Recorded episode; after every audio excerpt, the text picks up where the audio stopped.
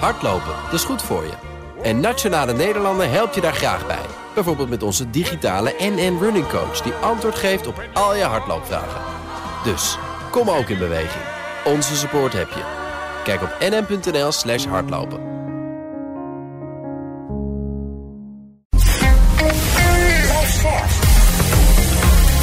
BNR Nieuwsradio. The Big Five. Paul van Liemt. Het is chaos op Schiphol, de internationale luchthaven. Het nieuws over lange wachtrijen, tekort aan personeel en geschrapte vluchten volgt elkaar snel op. Ook op lange termijn staat Schiphol onder druk. De luchthaven kon jarenlang onbegrensd groeien, totdat de lobby van omwonenden en milieuorganisaties juridisch en politiek voet aan de grond kreeg. Hoe kon het deze lente en zomer zo mis zijn gegaan op de luchthaven? En wat betekent dit voor reisorganisaties, voor het personeel en wat betekent het ook voor Schiphol zelf? Hoe ziet de toekomst van de luchthaven eruit nu het kabinet afkoerst op een krimp van 12% van het aantal vliegbewegingen om de geluidsoverlast tegen te gaan? Ik ga naar antwoord op al deze vragen. Dat doe ik met vijf kopstukken in BNS Big Five over Schiphol. Vandaag is de topman van Nederlands grootste reisorganisatie TUI bij me. Zijn naam Arjan Kers. En als topman van TUI is hij ook nog vicevoorzitter van de ANVR. Dus echt een man om u tegen te zeggen, maar we gaan elkaar tutoyeren. Dat uh, hoop ik wel, ja. Welkom. Uh, voordat ik het uh, met je ga hebben over de drukte op Schiphol... en hoe TUI ervoor heeft gezorgd dat alle vluchten konden doorgaan... wil ik eerst twee dingen van je weten. En dit zeg ik wel, maar alle vluchten kunnen ook doorgaan. Hoe dan ook. Die verzekering is in ieder geval. Nou, we hebben invulling gegeven aan alle TUI-fly-vluchten, dus onze eigen ja. vluchten. de vluchten met andere carriers zoals Transavia, KLM, Emirates... daar zijn we nog volop mee bezig om daar ook invulling aan te gaan geven, ja. Schiphol moet deze zomer dagelijks gemiddeld 13.500 passagiers afwijzen. De luchthaven kampt met enorm personeelstekort voor luchtvaartmaatschappijen als TUI. Dus uh, nou, als je het zacht uitdrukt, is het heel vervelend. Uh, je kan ook zeggen, het is een ramp. Had TUI samen met het bestuur van Schiphol eerder moeten ingrijpen om die chaos te voorkomen. In plaats van uh, alleen met de vinger naar Schiphol wijzen. Hadden jullie samen iets kunnen doen? Nou, we hebben de afgelopen. We zijn regelmatig in contact met Schiphol. Dat is niet sinds de meivakantie. Dat, dat loopt eigenlijk al sinds het begin van het jaar. Zijn er operationele overleggen. Iedereen heeft gezien dat het begin van het jaar de boekingen, uh, boekingsaantallen natuurlijk enorm hebben toegenomen. Sinds uh, de maatregelen rondom COVID zijn opgeheven. Ja, en Schiphol krijgt ook die cijfers. En wij hadden verwacht dat Schiphol op hetzelfde moment, zoals wij zelf ook als, uh, als reisbedrijf uiteindelijk ons huiswerk hebben gedaan. Op een bepaald moment zijn op, ja, in ieder geval nieuwe mensen hebben zo snel mogelijk aangenomen. En dat is, daar heeft Schiphol gewoon veel te lang mee gewacht. Je bent de topman van TUI, maar dus ook vicevoorzitter van de ANVR... die een rechtszaak tegen Schiphol aanspannen. En de ANVR verwacht zeker tientallen miljoenen euro's schade. Dat is enorm veel. Bij wie komt die schadeclaim terecht? En nu is het verhaal wel dat uh, bijvoorbeeld uh, de groot aandeelhouder van Schiphol... mevrouw Kaag uh, heeft al gezegd... ja, want de groot aandeelhouder is in staat... wij gaan geen compensatie geven. Oftewel, daar kan de rating niet gelegd worden. Zullen de luchtvaartmaatschappijen... kun je dat nu al een beetje daar rekening mee houden... zelf die schadeclaims moeten invullen? Nou, ik denk dat dat aankondiging over een schadeclaim uh, niet alleen vanuit de AVR komt, die zal ook van verschillende luchtvaartmaatschappijen gaan komen. Uiteindelijk moet je rekening houden dat het niet alleen gaat om imagoschade, om verliesschade. Het gaat natuurlijk veel breder. En dat is natuurlijk een van de dingen die ons natuurlijk ook heel erg tegen het been stoot. Dat je zegt op een bepaald moment Schiphol grijpt in uiteindelijk, als uh, de heer Benschop ons had gezegd: van joh, luister, ik heb een enorm probleem. Ik heb gewoon veel te laat ingegrepen. Maar ik heb jullie hulp nodig om dit op te lossen. En leg de rekening bij ons neer. Dan zou het een hele normale uh, kwestie zijn. Dat gebeurt niet. Hij heeft heel duidelijk laten weten, en minister Kaag natuurlijk ook, op een bepaald moment dat de rekening niet bij Schiphol neergelegd kan worden. Ja, en dat is natuurlijk, daar is de luchtvaart en de reissector natuurlijk enorm boos over. En dat begrijp ik ook. Ja, omdat ze dat bij voorbaat al doen, dan moet eerst, ook daar moet eerst nog maar eens een stevige discussie over gevoerd worden. Kijken hoe het precies ligt. Dan kun je wel zeggen, de ANVR verwacht tientallen miljoenen schade. Is dat dan belangenverstrengeling of lopen de belangen van ANVR en TUI volledig parallel aan elkaar? Nou, ik denk dat eh, de ANVR uh, eh, vertegenwoordigt natuurlijk eh, de kleine en de grote ondernemers in de, in de sector. En daar zie je gewoon dat de reissector in dit geval opnieuw na twee jaar COVID enorm hard geraakt wordt. Niet vergeten dat de meeste reisorganisaties vakanties verkopen. Dat betekent dat het niet alleen gaat om een vlucht, dan gaat het ook om de servicebestemming. Zitten hotels aan vast, rondreizen aan vast. Op het moment dat dit soort reizen of vakanties in duigen vallen, dan is de schade enorm. En die schade, die zal, die zal de bestemming, die zal die ook bij de reisorganisatie neer Dus ergens zal die betaald moeten worden. Schiphol moet 13.500 vluchten per dag schrappen, wat ik zei. En uh, ze vroegen ook een onafhankelijke slotcoördinator om dat te doen. Om de pijn over de luchtvaartmaatschappijen eerlijk te verdelen. Ook is een geweldig woord, eerlijk in dit geval. Maar is dat gelukt? Nou, we hebben twee weken uh, in het weekend, twee weken geleden, uh, de eerste overzicht gekregen wat dat voor ons zou betekenen. En ik zal eerlijk zeggen, daar zijn we enorm van geschrokken. Want we hebben maandenlang gesproken over het feit dat er waarschijnlijk iets aan zat te komen. Hè. Dat was duidelijk, dat we op een bepaald moment moesten bijdragen. We hebben daar ook heel veel, laten we zeggen, alternatieven en ideeën bij aangedragen aan Schiphol van hoe we dat nog zouden op kunnen lossen. En dat je dan op een bepaald moment uh, geraakt wordt met een overzicht waar de aantallen veel groter zijn dan Schiphol heeft aangekondigd. Ja, dat heeft ons wel eventjes uh, geschokt, zou ik ja, dat bepaalde moment is interessant. wil ik precies weten hoe dat gegaan is. Hè? Want het is uiteindelijk TUI dus gelukt alle vluchten in juli en augustus door te laten gaan. Nou stellen mijn vragen elkaar vragen via de kettingvraag. In de vorige aflevering was hier Hanne Buis, operationeel directeur van Schiphol. En die had deze vraag voor jou. Ja, Arjen, we zijn natuurlijk veel met elkaar in gesprek geweest de afgelopen weken. In eerste instantie is iedereen zich uh, enorm een hoedje geschrokken van uh, de regulering, zoals we het hebben genoemd. Minder pas vertrekkende passagiers. Inmiddels zag ik in de media dat ook jullie, de mensen die met TUI Fly vliegen, uh, kunnen garanderen dat ze gewoon op vakantie gaan. Ik ben benieuwd voor alle luisteraars ook. Wat is er achter de schermen allemaal gebeurd om dat mogelijk te maken? Nou ja, op een bepaald moment als je natuurlijk uh, geconfronteerd wordt met die aantallen die veel hoger lagen dan wij eigenlijk uh, verwacht hadden. We hebben het crisisteam bij elkaar geroepen op een zaterdag. We zijn bij elkaar gaan zitten en we hebben gezegd, nou, hoe kunnen wij hier op de beste manier invulling aan geven om in ieder geval te zorgen dat we alle vakantievluchten kunnen laten doorgaan en mensen in ieder geval hun vakantie kunnen laten genieten. Geen makkelijke puzzel geweest, zou ik je zeggen. Dat is echt heel moeilijk, omdat al die vluchten met elkaar verbonden zijn. Daar zit een vakantie aan vast, daar zitten services aan vast. Op het moment dat je één vlucht verplaatst, dan, ja, dan valt uh, een grotendeel van je puzzel in duigen. Dus dat is echt heel lastig geweest. We hebben een, uh, een aanvraag gekregen van Eelde Airport over het feit of wij vluchten daarheen wilden verplaatsen. Dat willen jullie niet? Dat wilden we wel zeker. Uh, maar daar... nu niet? Nou, dat wilden we zeker, maar we, we, hebben ook gevraagd dat we daar iets speciaals voor nodig hadden. En daar heeft ook de CEO van Eelde Airport een bijdrage aan geleverd. Die heeft ook heel duidelijk gezegd: we hebben de openingstijden dan een verruiming voor nodig. We zouden dan graag om 5 uur 30 willen starten. En de mogelijkheid willen hebben, als het uitloopt, tot 2 uur s'nachts kunnen landen. Ja, het is nu van 7 tot 11 en dat is exact. te weinig. Dus dat is te weinig als je twee slagen wil doen, zeker vanuit Groningen. Ja, en op een bepaald moment is daar opnieuw negatief uh, advies gekomen vanuit de overheid. Ja, en daar valt eigenlijk het plan voor in Nederland uit te wijken in Duigen. Dus we hebben uiteindelijk moeten kiezen voor een airport in Luik in dit geval. Die is 24-7 open. Dan hebben we de mogelijkheid, als het uitloopt in de operatie, dat je vertraging hebt, dat je in ieder geval nog kan landen. En daarmee kunnen we ook verzekeren dat de meeste mensen met ons gewoon op vakantie kunnen gaan. Ja, maar dit zijn dus wel de mensen die dachten van Schiphol te vertrekken. Daarna dachten ze misschien dat helemaal niet door zou gaan. En nu weten ze dat het hoe dan ook doorgaat, maar dan wel vanuit Luik. Gedeeltelijk vanuit Rotterdam, gedeeltelijk vanuit Luik. Maar de grote gedeelte van onze, al onze passagiers zal nog steeds vanuit Amsterdam vertrekken. Binnen de parameters die, die het slotcoördinatie heeft aangegeven. En dan de schade voor TUI. Jullie hebben natuurlijk verschillende scenario's. Maar wat is, wat is het, het zwarte scenario? Nou ja, het zwarte scenario is dat je natuurlijk hier opnieuw keihard geraakt wordt. En dat je natuurlijk uh, orthodoxe maatregelen moet nemen om in ieder geval die vakantieganger op vakantie te sturen. Maar dat daar wel heel veel schade aan vast zit. En die zullen we zeker in kaart gaan brengen. Dat zijn we, daar zijn we ook mee bezig. Voorlopig spreken we natuurlijk tot eind juli. Dit kan nog even uitlopen. Misschien ook nog wel tot uh, begin, begin augustus. Ja, en die schade zullen we zeker proberen te deponeren bij de personen die daar hier verantwoordelijk voor zijn. En, die, en dat zijn? Nou ja, in dit geval Schiphol. Ja, en hoeveel is dat dan? Ik bedoel, in het ja, nou, dan moet je echt denken, als je spreekt over de hele sector, kan het echt oplopen tot honderden miljoenen. Hè. We spreken niet over tientallen, maar dat zal ook afhankelijk zijn. We spreken natuurlijk over enorme aantallen van passagiers, niet alleen voor TUI, maar ook voor alle andere luchtvaartmaatschappijen. En als je al dus spreekt. bij elkaar kom je, daar ga je, daar ga je in de, in de miljardenclaims komen. Nou, miljarden vind ik wel heel ver gaan. Maar Alles ik denk bij elkaar wel, opgeteld. Ik denk als je gaat kijken wat dit uh, voor imago-schade, maar ook schade voor uh, passagiers om bepaald terug te betalen, services die uiteindelijk op de bestemming gewoon doorlopen, maar ook betaald moeten worden. Ja, dan kan je wel over honderden miljoenen gaan spreken, denk ik. Dus ik denk wel dat we heel voorzichtig moeten zijn dat de beslissing die we nu genomen hebben, uiteindelijk een, uh, nog steeds wel een staartje gaat krijgen. Ja. U zeggen dat Schiphol de voornaamste boosdoener is, dat, dat die chaos ontstaan is? Nou, ik denk wel dat dat de conclusie kan zijn. Wat ik al zei, ik kreeg de tweede zaterdag van de meivakantie een telefoontje van Dick Benschop. En die zei over, ja, ik zal me niet vragen hoe het met je gaat. En die gaf zelf ook toe dat ze natuurlijk een best wel een behoorlijke inschattingsfout hebben gemaakt. Maar hij had het eerder moeten zeggen. Dat zei bijvoorbeeld van Bruins organisatie, de topman van Baren, meneer Fruiten, maar die zet het ook. Die zeggen het is zo'n roodstreek dat het niet eerder gezegd is. Want nou ja. we hebben er overal bij gezeten elke week. Paul, we zijn regelmatig in contact geweest. We zijn regelmatig in contact geweest met ja. Schiphol. We hebben de cijfers aangeleverd die ze nodig hebben om inschatting te maken.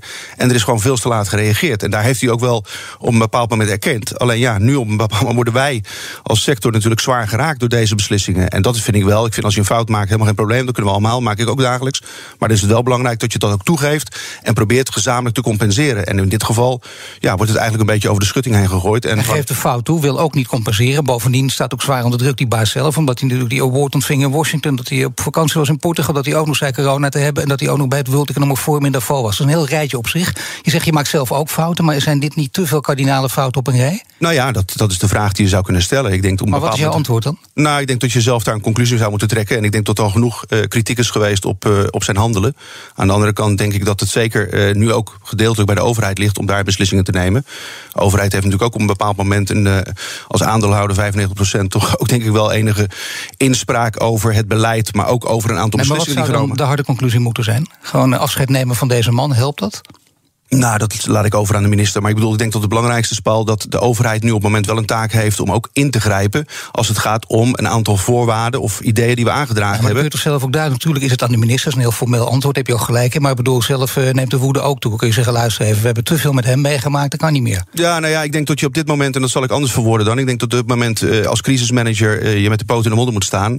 en wat minder bestuurder moet zijn. Ja, en dat, is, dat heb ik de afgelopen twee jaar zelf ook beleefd tijdens de, de coronacrisis.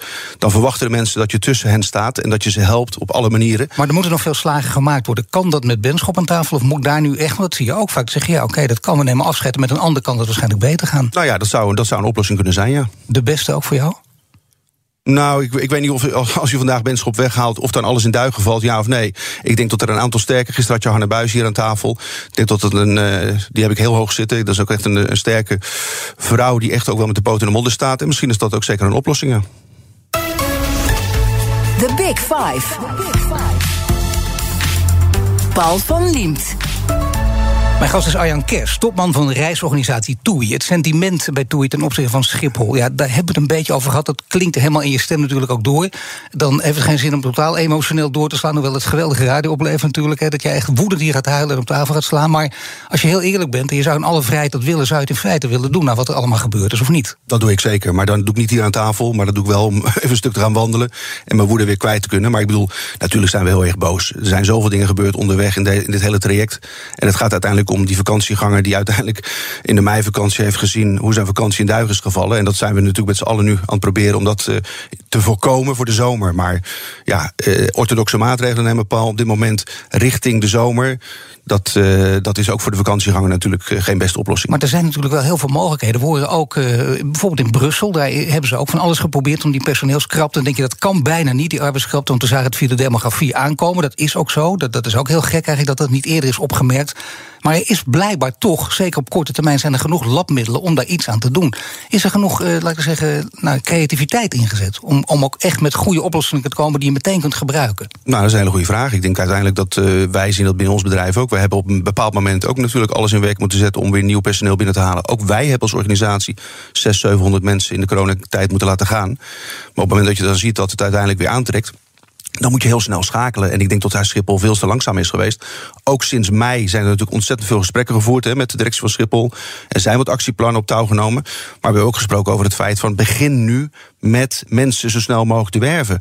Ja, ik, ik, als ik nu uh, bijna anderhalve maand verder kijk, dan denk ik dat er nog veel te weinig, mensen aangenomen zijn. En dan maar op het gebied van beveiliging bijvoorbeeld, hè, er kwamen ook plannen. Ik noem maar wat. Een plan dat is voorgesteld is bijvoorbeeld fulltime werkende beveiligingsmensen. Die zet je in, uh, in bijvoorbeeld flexibele huizen die je dan neerzet in de buurt van Schiphol. Dan kun je in ieder geval iets doen en dan kun je die mensen ook fulltime laten werken. Zijn dat soort ideeën allemaal over tafel gekomen? Er zijn ontzettend veel. Er is zelfs een oproep gedaan binnen de reissector om te zeggen: als er collega's zijn die een bijdrage willen leveren, alleen dan loop je ook weer tegen het thema aan dat er bijna elf weken voor staat om die licentie te krijgen als beveiliger te werken. Die hebben ze teruggebracht naar vijf weken, gelukkig. Maar zelfs dat, als je dat nu zou instellen, dan zit je al bijna eind juli. Ja, dan zou je kunnen zeggen, dan, dan is de juli vakantie, vakantie bijna al in duigen gevallen. Dus het is veel te laat gebeurd. Maar er zijn zeker mogelijkheden aangedragen. Maar ook mogelijkheden voor jullie zelf, hè, voor de luchtvaartmaatschappijen. Ook voor TUI bijvoorbeeld. Want de bagageafhandeling, daar gaan jullie dan weer over. Hadden jullie toch ook kunnen zeggen, nou weet je wat, dan gaan die mensen meteen meer betalen... of we zorgen dat er meer mensen bij komen? Ja, maar er zijn ook CAO-afspraken gemaakt. Ja, ja dat is wel een andere discussie. Andere discussie. Nee, de CAO-afspraken gemaakt met, met afhandelaren. En die zijn ook uh, een maand geleden gesloten. En volgens mij loopt dat op dit moment met, met de verschillende afhandelaren uitstekend. Ja, die hebben het ook heel zwaar. Die hebben ook personeelstekorten, zoals iedereen. Dus dat, dat zie je door de hele lijn heen. Maar ik moet je wel wel zeggen, daar ligt nu op dit moment niet het probleem. Het probleem ligt in de security. Ja, daar zijn gewoon te weinig mensen om te zorgen dat we genoeg mensen door die security kunnen krijgen die op vakantie kunnen gaan. En dat probleem is uh, tijdelijk niet op te lossen, of laten we dan maar eerlijk zijn, want dan kan het in ieder geval zich een beetje in je hoofd planten. Dan weet je waar je aan toe bent. Dat is ook belangrijk. Dan heb je in ieder geval dat perspectief, al is het een negatief perspectief, dat dat gewoon voorlopig ook niet op te lossen is. Nou, volgens mij is het wel op te lossen. Dus ik ga er gewoon vanuit dat het zo snel mogelijk nu, laten we zeggen, vanuit Schiphol ook uh, het antwoord komt dat het de komende maanden in ieder geval beter uh, georganiseerd gaat zijn. Zoals ook voor COVID. Hè, dus in 2019, het laatste goede jaar, uiteindelijk ook alles op orde was.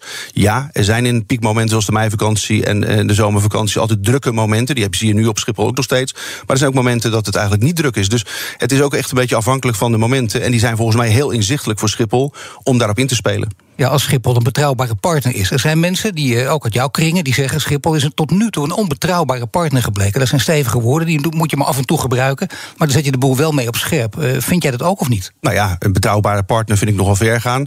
Uiteindelijk, je hebt een samenwerking. Dat er gewoon op een bepaald moment te laat gereageerd is... op een aantal situaties. Dat is gewoon heel inzichtelijk. Daar heeft iedereen al een opinie over gehad. Betrouwbaar vind ik altijd zo van... ja, kun je dan niet meer vertrouwen voor de toekomst? Nee, ik verwacht gewoon dat daar gewoon veranderingen moet komen. Ze weten wat ze moeten doen. Ze hebben daar ook de overheid voor nodig om een aantal ingrepen te doen. En daar zul je hard op tafel moeten slaan. Ook bij de overheid van, joh, luister, ik kan het zelf nu niet meer aan. Kom nu eventjes en help me ons ook. En daar zijn ook een aantal ideeën ja, maar, je maar je zit al behoorlijk lang aan de tafel. Hè. Vanaf begin januari begon het en daarna ja. wekelijkse gesprekken. Dat is al heel erg lang. Dan heb je wel enig zicht op een partner waar je mee kan werken tenminste, of niet? Ja, alleen als we Schiphol niet hebben, waarvan dan zouden we dan moeten vliegen? Dus ik denk dat we Schiphol altijd nodig zouden hebben, ook naar de toekomst toe. Dus we moeten gewoon zorgen dat we hier gezamenlijk een oplossing vinden. Die oplossing hebben wij vanuit de sector ook proberen aan te dragen. Alleen als die op een bepaald moment grotendeels van de tafel af worden geveegd, ja, dan wordt het ook lastig en dan creëert het ook frustratie bij de achterban. Was er zelfs een oplossing van je zegt, die had je echt meteen kunnen invoeren? Dat is onbegrijpelijk dat die niet is doorgevoerd. Nou ja, we hebben het net over personeel. Eh, als begin januari, net zoals iedereen, net zoals elk, elk toeristisch bedrijf of luchtvaart, uiteindelijk snel gezorgd hadden om weer mensen aan te werven, dan hadden we vandaag de dag heel die discussie niet gehad. Als je naar de toekomst kijkt, is het toch wel een probleem dat, uh, dat uh, dit hele verhaal over de krimp. Schiphol zelf zegt daar ook dat ze dat ook als een ja, niet een doorschok in de rug, maar in ieder geval wel uh, ja, als iets totaal onbegrijpelijks hebben ervaren. Ze hadden het totaal niet zien aankomen. Nou ja, je merkt gewoon dat de afgelopen jaren. 12% krimpen. Het ging steeds van gematigde groei opeens naar totale krimpen. Zij zegt, geloof je dat ook van Schiphol? Nou, uh, lastig voor mij in te schatten of ze dat niet wisten of wel. Nou, er stond een, uh, nou ja, je hebt natuurlijk ook uh, een belangrijke positie bij de ANVR, een belangrijke reisorganisatie, gezamenlijke club van reisorganisaties. En dan, dan weet je toch precies wat er achter de schermen speelt. En die suggestie gisteren in een reconstructie in de Telegraaf van ingewijden, dan weet je nooit wie dat zijn, precies zijn geweest. Maar die suggereerde inderdaad, nou ja, misschien dat ze het wel fijn vinden dat het deze kant op gaat. Nou, dat is wel het gevoel wat we krijgen. Dat ben ik helemaal met je eens. Want uiteindelijk denk ik op een bepaald moment dat de afgelopen jaren regelmatig aangekondigd is geweest dat Schiphol moest krimpen. Hè. Dus het is zeker geen nieuw thema.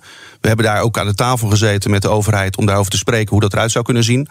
En toen we afgelopen vrijdag geconfronteerd werden met de persconferentie van minister Harbers, ja, dat, dat kwam echt als een shock voor heel veel mensen. Van ja, luister, dat is niet wat we besproken hebben. Maar heb je het idee dat het ook als een shock kwam voor Schiphol? Of dat ze dat uh, voor de in de publiciteit spelen dat het zo is? Ja, dat, dat, dat, dat, zou je kunnen afvragen. Ik heb daar ook mezelf mijn gedachten over. Dat ik denk maar van, wat zijn jouw gedachten? Gewoon deel ze met ons. Nou ja, ik denk ook op een bepaald moment van. Uh, het lijkt of het allemaal nu op dit moment samenkomt. Hè? Dus dat je aan de ene kant ziet van luister, we hebben nu een enorm probleem. Dit kunnen we direct als aanleiding gebruiken om ook verder te reduceren naar de toekomst toe. Ik hoop dat het niet zo is. Hè. Ik hoop echt dat we hier uh, open en uh, bloot met Schiphol over kunnen spreken. En ik hoor het ook graag van minister Harbers, wat zijn plannen verder zijn. Want aan de ene kant alles maar wegnemen en geen perspectief creëren voor de sector.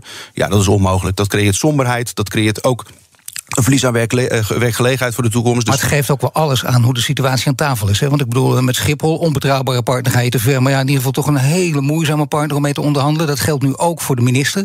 Ook heel erg lastig, want je weet het niet. En je denkt, eh, nou dat kan. Je wil niet in complottheorieën belanden voordat je echt keiharde bewijzen. Maar het zou die kant op kunnen gaan.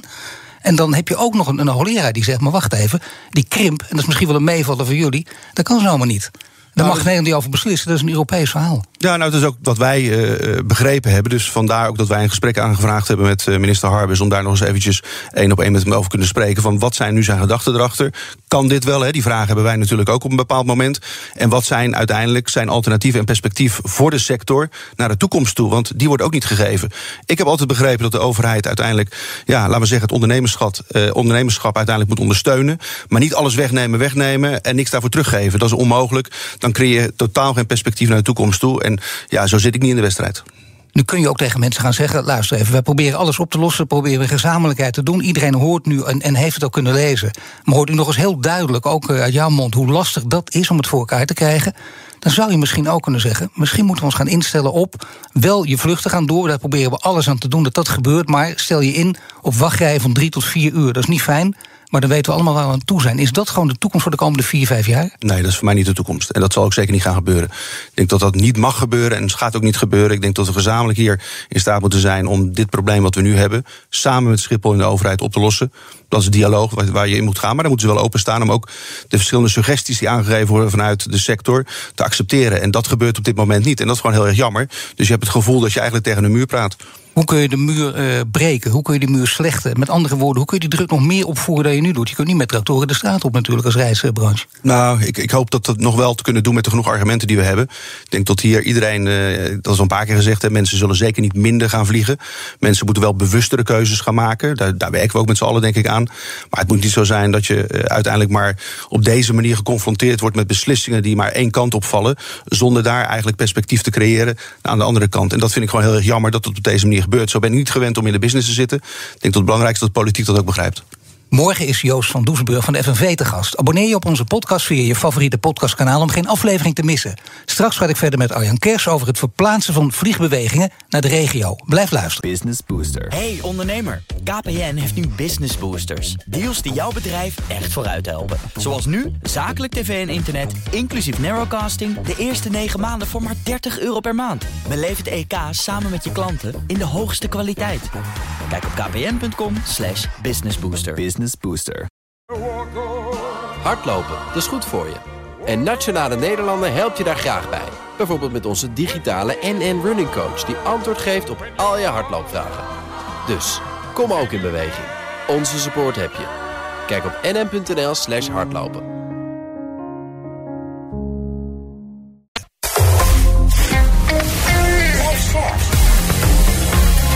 BNR Nieuwsradio. The Big Five. Paul van Liemt. Welkom bij het tweede half uur. Deze week vijf kopstukken rondom Schiphol. Eerder deze week sprak ik met Hanne Buis, voormalig directeur van Lelystad Airport... en nu operationeel directeur van Schiphol, over de misstanden. Dat is terug te luisteren via de BNR-app. De gast is Arjan Kers, topman van TUI. Komend half uur wil ik in ieder geval nog twee onderwerpen met je bespreken. Namelijk het verplaatsen van vliegbewegingen naar de regio. En de shift naar duurzaam reizen. Maar we beginnen met het eerste. En allereerst trouwens nog wat. Want ja, wat gaat Arjan Kers zelf doen trouwens? Ook nog een beetje vliegen of niet? Of deze keer toch maar de trein of de auto? Ik uh, heb toevallig gisteren besloten om, als het lukt en uh, allemaal past in mijn agenda, om te gaan cruisen dit jaar. Ja. Heel bijzonder. Ja, het is, ja. uh, is ook de eerste keer dat ik dat zelf ga doen. Ik ben meestal iemand die toch uh, met het vliegtuig pakt en uh, de verre oorde opzoekt. Maar dit jaar heb ik gezegd, ik ga cruise richting het Scandinavische landen. Dus is heel wat anders. Maar ook geen vertrouwen in de, in, in de vliegbewegingen? Nee, dat heeft niks te maken met vliegbewegingen. Maar ik heb ook eventjes een moment van disconnecting waarschijnlijk nodig. Na 2,5 jaar. En nu deze crisis weer, probeer ik eventjes op die manier los te komen. Nou, hou dit nog even vast, hè, waar we nu mee bezig zijn. Moet Schiphol, moet Schiphol een, een overstap luchthaven blijven? Dus een, een hub, zoals het steeds natuurlijk wordt genoemd? Nou, als je dan ons vraagt, dan uh, is mijn prioriteit nummer één natuurlijk te zorgen dat we eerst die vakantiegangers die vanuit Nederland vertrekken, uh, de prioriteit kunnen geven. En dat is twee derde trouwens van de passagiers die uh, via Schiphol vertrekken. Dus dat is voor mij prioriteit nummer één. Ik denk dat elke Nederlander toch behoefte heeft gehad al die jaren om via Schiphol, dat is een onderdeel van, van het vakantieplezier geweest. Op dit moment is het natuurlijk zeker geen vakantieplezier om vanaf Schiphol te vertrekken.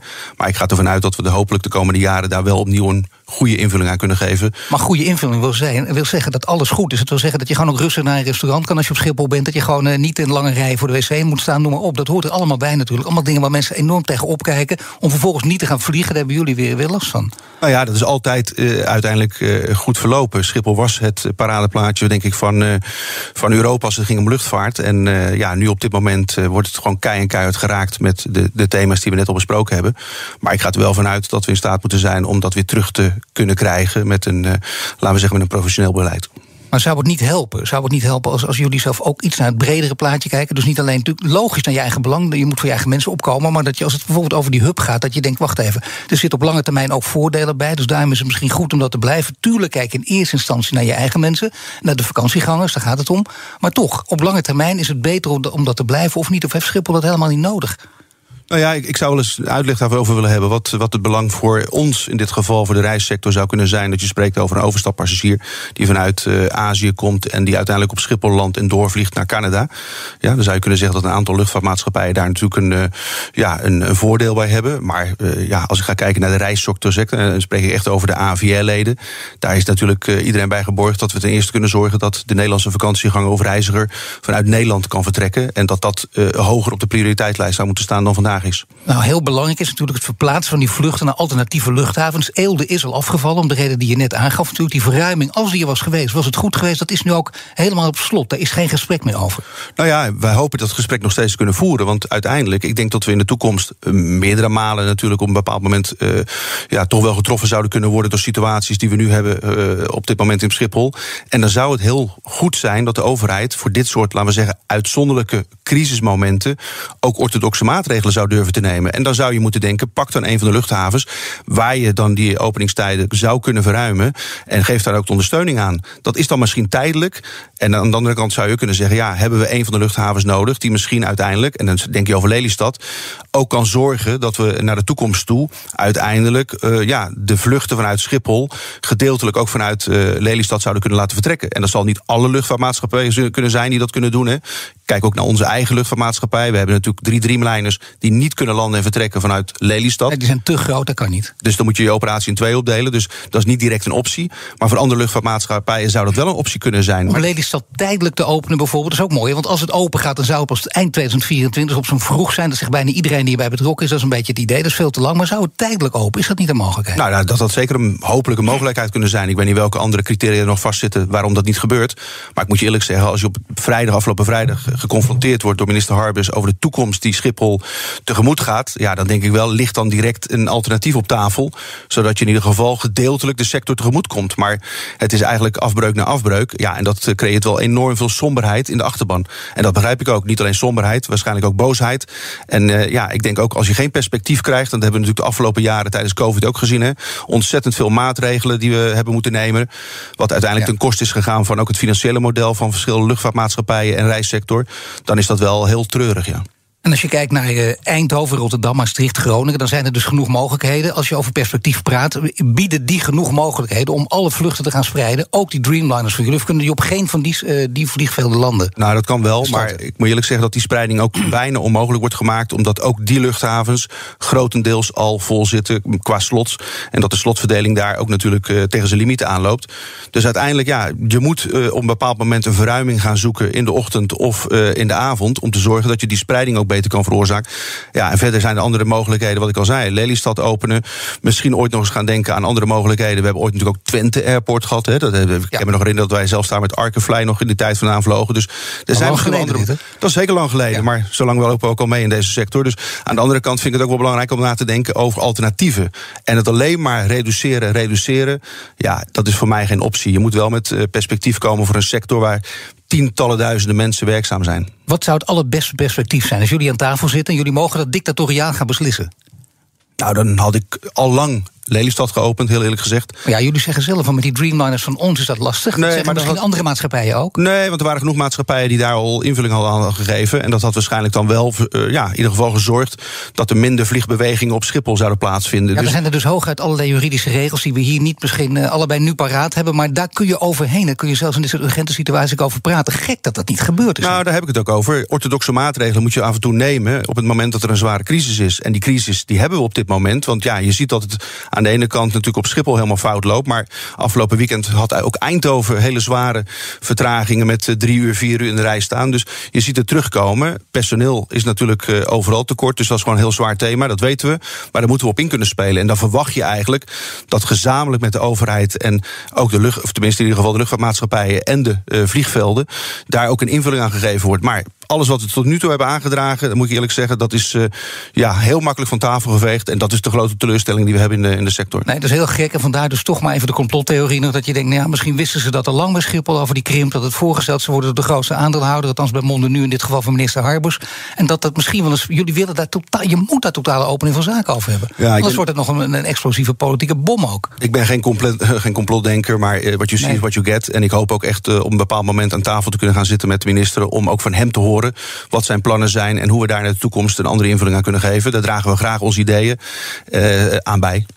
Het gaat natuurlijk ook over lang vooruit kunnen kijken, behoorlijk lang vooruit kunnen kijken. Die arbeidsmarkt krapte zagen jullie ook niet aankomen. Interessant vind ik wel dat je zelf ook zegt, want als je naar de demografie kijkt, denk je, nou dat duurt nog wel een jaar of vier, vijf. Maar je zegt nee, er zijn wel degelijk oplossingen. De komende vier, vijf jaar kunnen we dat in die zin oplossen dat er geen wachtrijen van vier uur gaan ontstaan. Want voor je het weet, hè, dan ga je, dat zie je heel vaak, tijdelijke dingen worden dan worden vast. Dan denken mensen, nou ja, in ieder geval beter dit dan niks.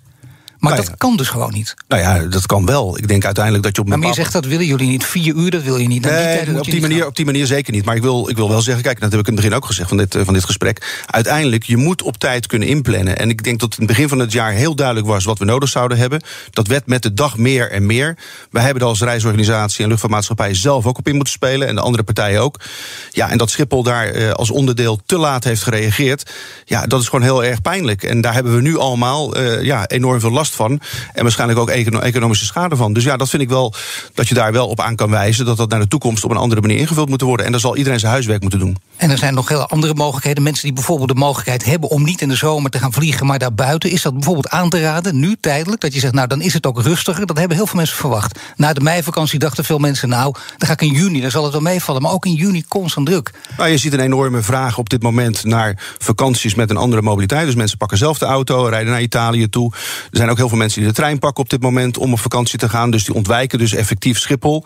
Uh, je had het net, ik zei net, ik ga zelf cruisen dit jaar. Dus ik ontwijk daarmee ook op Schiphol. Dus was dat mijn idee? Nee, totaal niet. Maar ik bedoel, omdat ik een andere vakantie wilde gaan doen. En zo zijn er heel veel mensen die op dit moment die keuze maken. Maar ik denk wel dat we naar de toekomst moeten zorgen dat Schiphol gewoon weer alles onder controle heeft. En laten we zeggen, weer nummer één airport van Europa kan worden. Is het niet heel gek dat Schiphol ook steeds naar buiten is gebracht? Dat was eerst het verhaal ook elke keer, door een aantal anderen trouwens ook.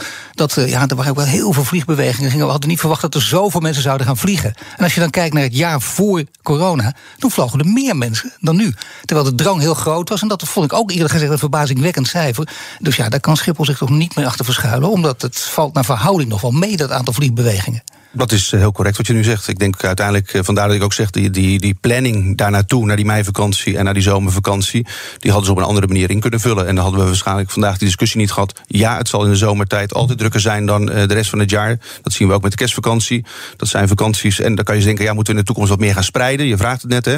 Moeten we de mensen aanraden om misschien in september, oktober, maar dat doen de mensen zelf nu ook al. Hè. Dus ik denk dat het imago wat Schiphol heeft veroorzaakt de afgelopen maanden, ja, dat heeft er wel voor gezorgd dat ten eerste de boekingen ook teruglopen. Hè, want mensen zijn toch wat onzeker. Die zeggen, ja, kan ik wel weg? Gelukkig kunnen we nu weer vertrouwen kweken om het aan te tonen dat ze wel op vakantie kunnen, maar van andere airports.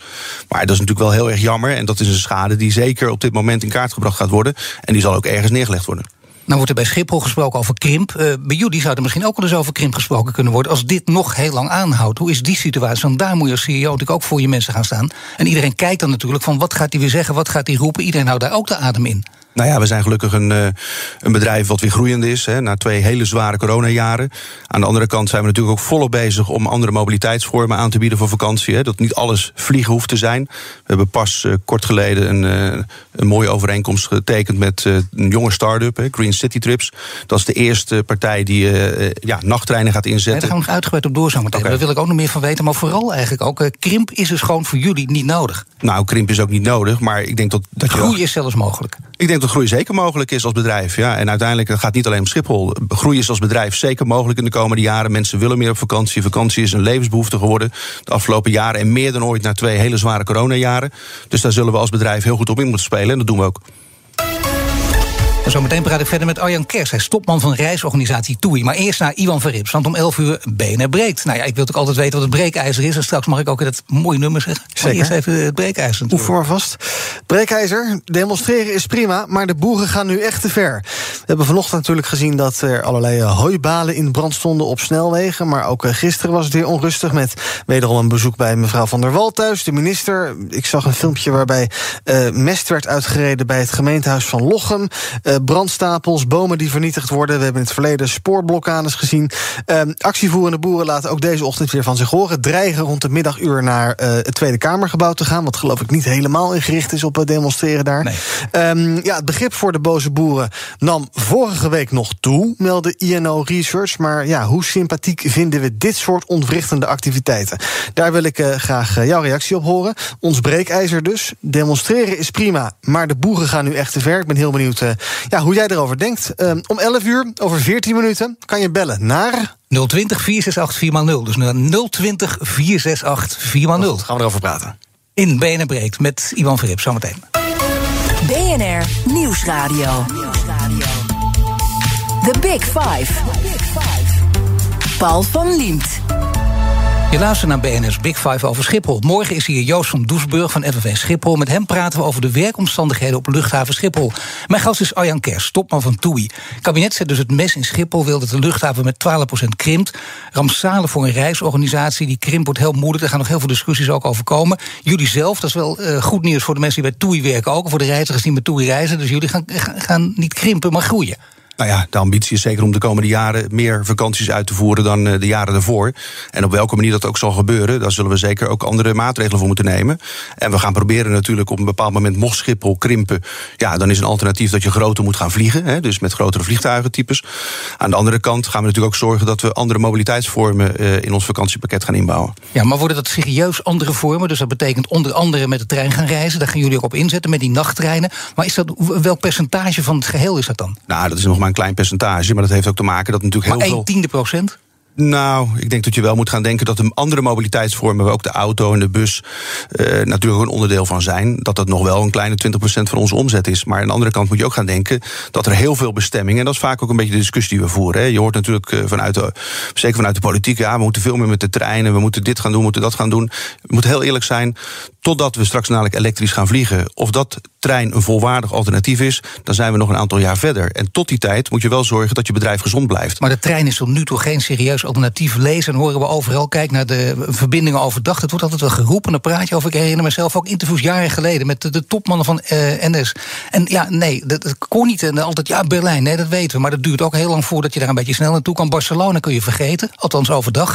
En ik lees ook een uh, verschrikkelijk verhaal, een column van Annemarie van Gaal in de Telegraaf, die, die met de Thalys reis benen. En alles wat mis kan gaan, gaat er mis. Dus ja, echt een heel goed alternatief is de trein gewoon niet. Nee, nog niet. En dat ben ik helemaal met je eens. Ik denk wel dat er keihard aan gewerkt wordt vanuit de sector om te zorgen dat we daar naartoe komen. En dat we straks en dadelijk over een aantal jaar kunnen zeggen: Nou, voor een aantal bestemmingen tot een afstand van misschien 700 kilometer vanuit, vanuit Amsterdam is de trein een alternatief.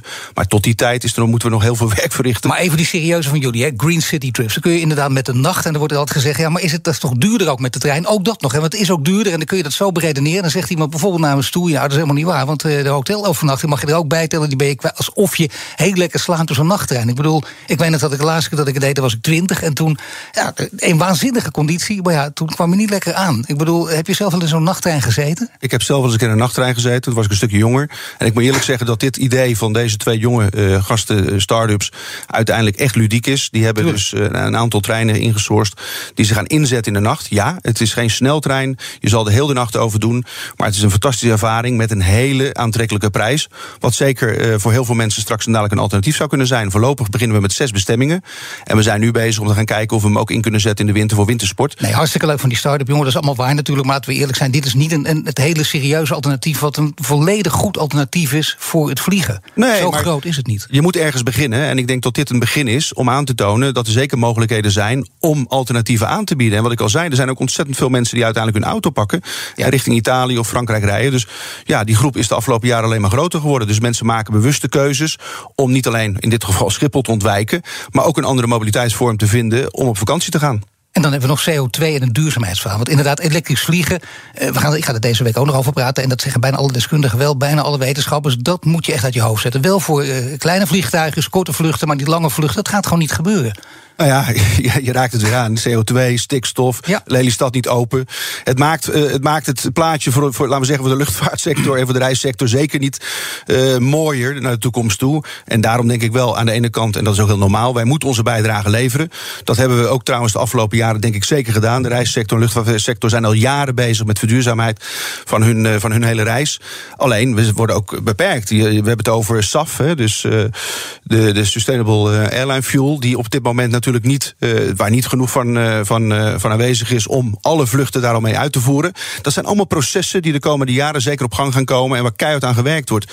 En daar heeft ook, mm, in dit geval spreken we over elektrisch vliegen, hoorde ik ook vanochtend weer zeggen. Denk ik van ja, is dat ook een, een thema die, ja, dat zal misschien ooit wel eens een keer gaan komen. Maar tot die tijd moet je wel zorgen dat je bedrijf gezond blijft, zodat je kunt, bij, blijven, eh, bij, kunt bij- blijven bijdragen aan die duurzaamheid. En Nou, dat kun je ook doen door die vliegtuig dus te verhogen en te zorgen dat dus in, accijns, alles BTW, alles erin. Dat betekent uiteindelijk wel, als je alles gaat optellen, die berekeningen zijn gemaakt, ja, dan wordt het echt waanzinnig duur. Dan wordt vliegen dubbel zo duur, dan wordt het toch een beetje elitaire bezigheid. Dan zie je dat ook, hè. Hoe mensen wonen, werken. Die tweedeling in de maatschappij, die neemt ook daartoe, ook op vlieggebied. Is dat toch in jouw somberste bijen een van, van de scenario's die voor je ziet of niet? Nou, op dit moment moet je zeggen dat wij natuurlijk ook met de verhoogde fuelprijzen op dit moment eh, uiteindelijk onze prijzen hebben moeten verhogen om een deel daarvan te kunnen compenseren. En dan spreek je echt over gemiddelde eh, verhogingen van 250 euro per persoon. Dat is enorm. Gelukkig hebben de mensen de afgelopen jaren behoorlijk gespaard omdat ze niet op vakantie kunnen gaan. En geven dit op dit moment zeker uit. Hoe dat in de toekomst eruit gaat zien, dat is misschien effectief nog Nee, maar een het is nogal wat, hè, want je zegt zelf Ja, ook, het het is een eerste leefbehoefte geworden. We hadden dat heel lang geleden ook met de auto en zo. Dan kun je niet opeens zeggen, nee, het mag niet meer. Zo gaat het continu. Dat is heel erg lastig en dat wordt dan weer voor mensen afgenomen. Daar komt, zo voelt het al wel voor heel veel mensen.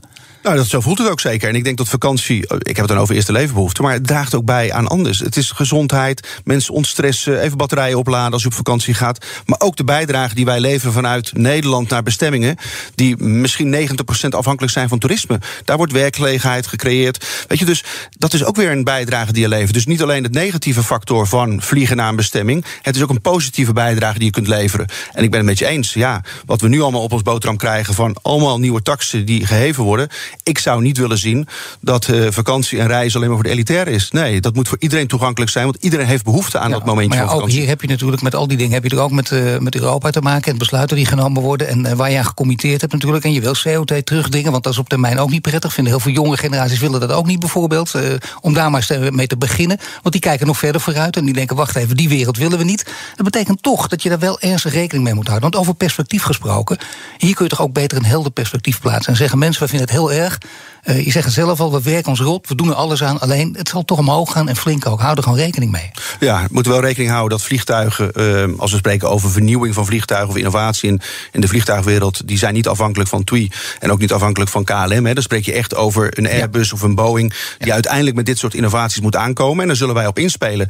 Op het moment dat die eh, vernieuwde, mm, laten we zeggen, vloot vliegtuigen uiteindelijk aanwezig zijn. En die vernieuwde vloot zou ook betekenen, minder energieverbruik betekent langzamer vliegen. Zou je dat accepteren? Dus ik bedoel, eh, dan doen we niet, eh, je gaat niet in zeven uur naar New York, maar in, eh, of acht uur, maar in, in vijf uur. Nou, die, En van 13 uur? Die keuze ligt niet bij mij. Die zal de klant op een bepaald moment zelf moeten maken. Of hij dat wil doen, ja of nee. Dat zie je nu. Dat je gaf het net aan. Met de trein naar Berlijn, 7 uur. Of vliegen naar Berlijn op. Binnen, binnen een half uur, weet je, dat soort dingen. Dat zal de klant keuze. Maar wij kunnen ze daarbij helpen om die keuze te maken. En vandaar dat je ook een breed palet aan verschillende mobiliteitsvormen moet aangeven. Alleen, ik vind het wel heel belangrijk als we dit soort discussies voeren over innovatie. Dat je tot die tijd dat dit soort, laten we zeggen, innovatieve ehm, plannen uitgewerkt kunnen worden. Ja, dan zullen we onze bijdrage leveren. Maar we zijn wel afhankelijk van derden. Mijn gasten stellen elkaar vragen via de kettingvragen. Je mag een korte, bondige vraag stellen aan de volgende gast. Joost van Doesburg van FNV Schiphol. Wat wil je hem vragen? Nou, ik zou de FNV in ieder geval willen vragen of stakingen vandaag de dag met personeelstekort en het uitval van personeel nog wel effectief en ehm, passend zijn. Dankjewel, Arjan Kers. Ja, heel benieuwd eh, wat jij eh, als antwoord verwacht en wat je zelf zou antwoorden. Alle afleveringen op BNS Big Five zijn terug te luisteren. Abonneer je op onze podcast via onze app of je favoriete podcastkanaal om geen aflevering te missen.